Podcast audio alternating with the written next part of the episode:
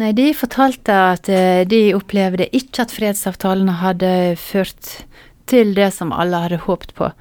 Da geriljaen har trukket seg tilbake, eh, så har nye grupper oppstått. Altså det har blitt et vakuum om hvem som har makten. I de store byene, sånn som Bogotá, som er hovedstaden, så har militæret og politiet en viss kontroll. Men når man kommer på landsbygda, på grensen mot Venezuela og litt i eh, sørøst, der som vi var, så er det narkotikakartellene og kriminelle grupper som styrer. Og eh, de vil ha tak i ungdommene. De vil få ungdommene inn i sine nettverk, både eh, ja, på forskjellige måter. Både som brukere og som å være med og eh, omsette stoff. I områder med flere konkurrerende kriminelle grupper må befolkningen være forsiktige med hva de foretar seg og hvor de beveger seg. Det meldes om drap, angrep på eiendommer, seksuell vold, fysisk og psykisk vold, trusler og òg tilfeller der mennesker blir jagd fra hus og hjem. Ifølge rapporter fra organisasjonen Åpne dører er kristne særlig utsatt, noe som òg viser seg gjennom forsøk på å ødelegge kirkebygg eller kristne institusjoner. Kristne generelt vil prøve å redde ungdommer ut av dette og jobbe preventivt for at de ikke skal bli tatt inn i disse gjengene. Så blir jo de en kjepp i hjulene for de kriminelle. Si hvis du er pastor i en menighet i et sånt område. Eh, vi var jo og besøkte eh, noen menigheter i et sånt område. Spurte pastoren hvordan det forholdt seg, og han sier at ja, si hvis en av de som tilhører en gjeng, eh, møter Jesus og um, blir kristen og endrer på livet sitt og forlater den kriminelle gruppa som han har vært en del av, så vil jo det da ikke være greit for den gjengen. Eh, fordi at de vil ikke miste sine folk. De vil ha sine folk. Og hva, hva kan en da risikere? Kristne kan bli drept. Eh, det hørte vi flere eksempel på. Noen ganger kan det skje fordi at de er på feil sted til feil tid. Andre ganger skjer det fordi de er kristne, fordi de motarbeider kriminalitet. Og vi vet at f.eks. i Mexico, som har veldig mange av de samme dynamikkene og problemene som Colombia når det gjelder narkotikakartell osv. Det er ingen land der så mange prester f.eks. har blitt drept, fordi at de reiser seg mot urettferdighet og uh, jobber for uh, rettferdighet, jobber for å hjelpe ungdommer til et bedre liv. Det er flere årsaker til at kristne er spesielt utsatt for ulike typer angrep i enkelte deler av Colombia. Siden sivile myndigheter er mangelvare, er religiøse ledere ofte det eneste bindeleddet mellom folket og regjeringen, skriver Åpne dører. Kriminelle grupper som prøver å kontrollere landområder, ser derfor på disse som konkurrenter og som myndighetenes forlengede arm. Et annet poeng er at kirker ofte disponerer penger gjennom tiende og gaver, og kriminelle grupper har i flere tilfeller presset kirkene for penger. Rapportene forteller òg om tilfeller der kristne ledere har blitt slått, ranet eller drept fordi de har nektet å avslutte sin virksomhet. Det er en risiko ved det.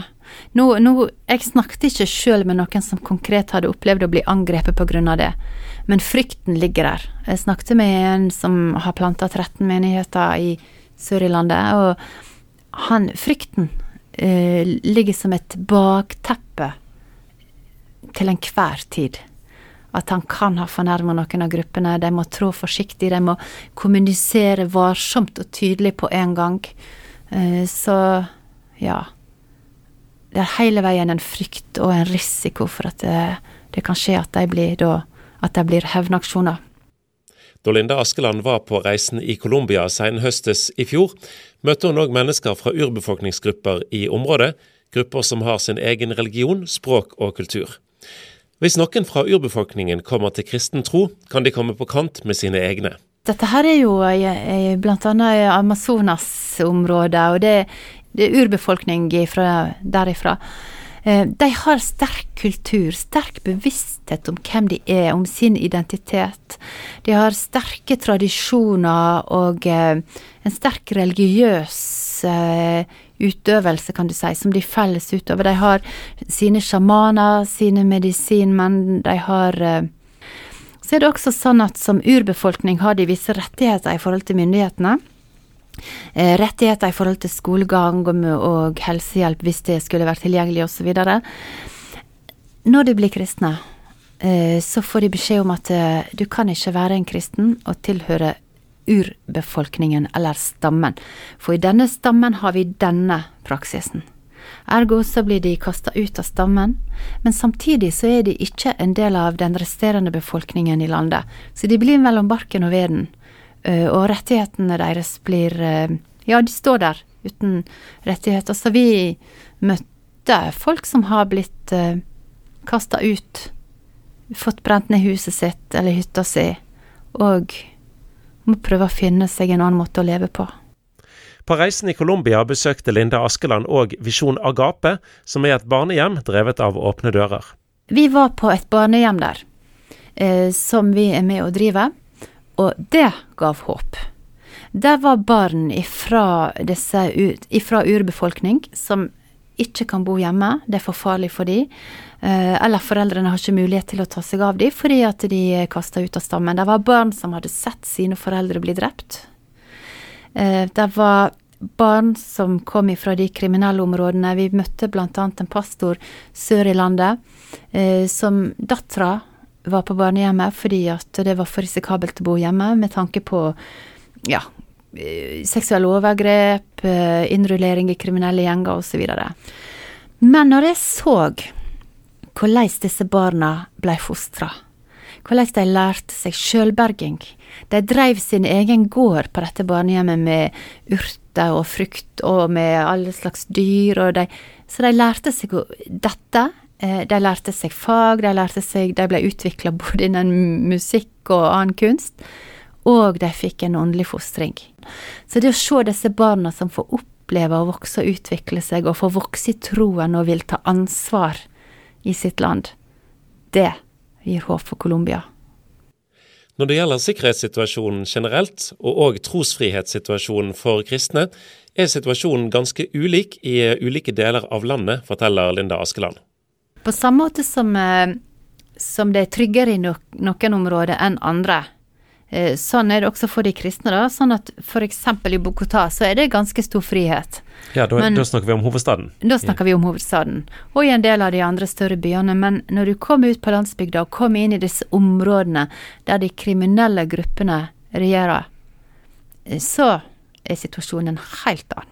Der er friheten på et helt annet nivå. Men så er det jo klart det er jo Forfølgelse arter seg på forskjellige måter fra land til land. Vi, når vi var i sør, i det området som er pressa, altså vi var i en menighet, og lovsangen og musikken gjalla så det hørtes langt rundt kirka, så sånn sett er det frihet. Det kunne man aldri gjort i Iran, f.eks., der myndighetene har kontrollen. Så de har frihet på én måte, men samtidig så er det veldig farlig for dem.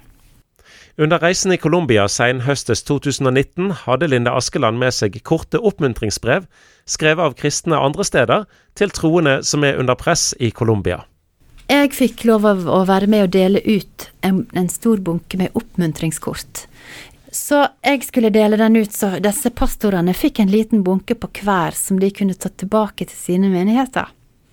Og det å se hvordan de tok imot dette som om det var skatter de fikk, og så få vite at dette er ikke et kort som de bare leser en gang og kaster, men de legger det i Bibelen sin, eller de rammer det inn og henger det på veggen, og har det som en oppmuntring på at det er noen som veit om oss, som ber for oss, og som, ja, står sammen med oss, og at det er med faktisk på å styrke dem i deres tøffe hverdag det var veldig sterkt å oppleve, så jeg bestemte meg for at oppmuntringstjenesten med å skrive kort, den skal jeg frimodig utfordre folk på.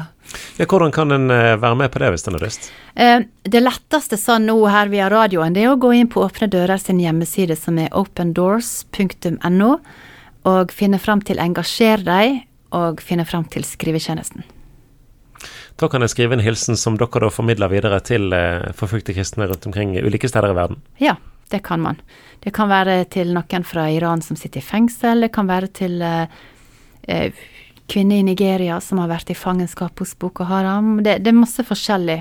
Mange forskjellige vi har oppmuntringstjeneste for.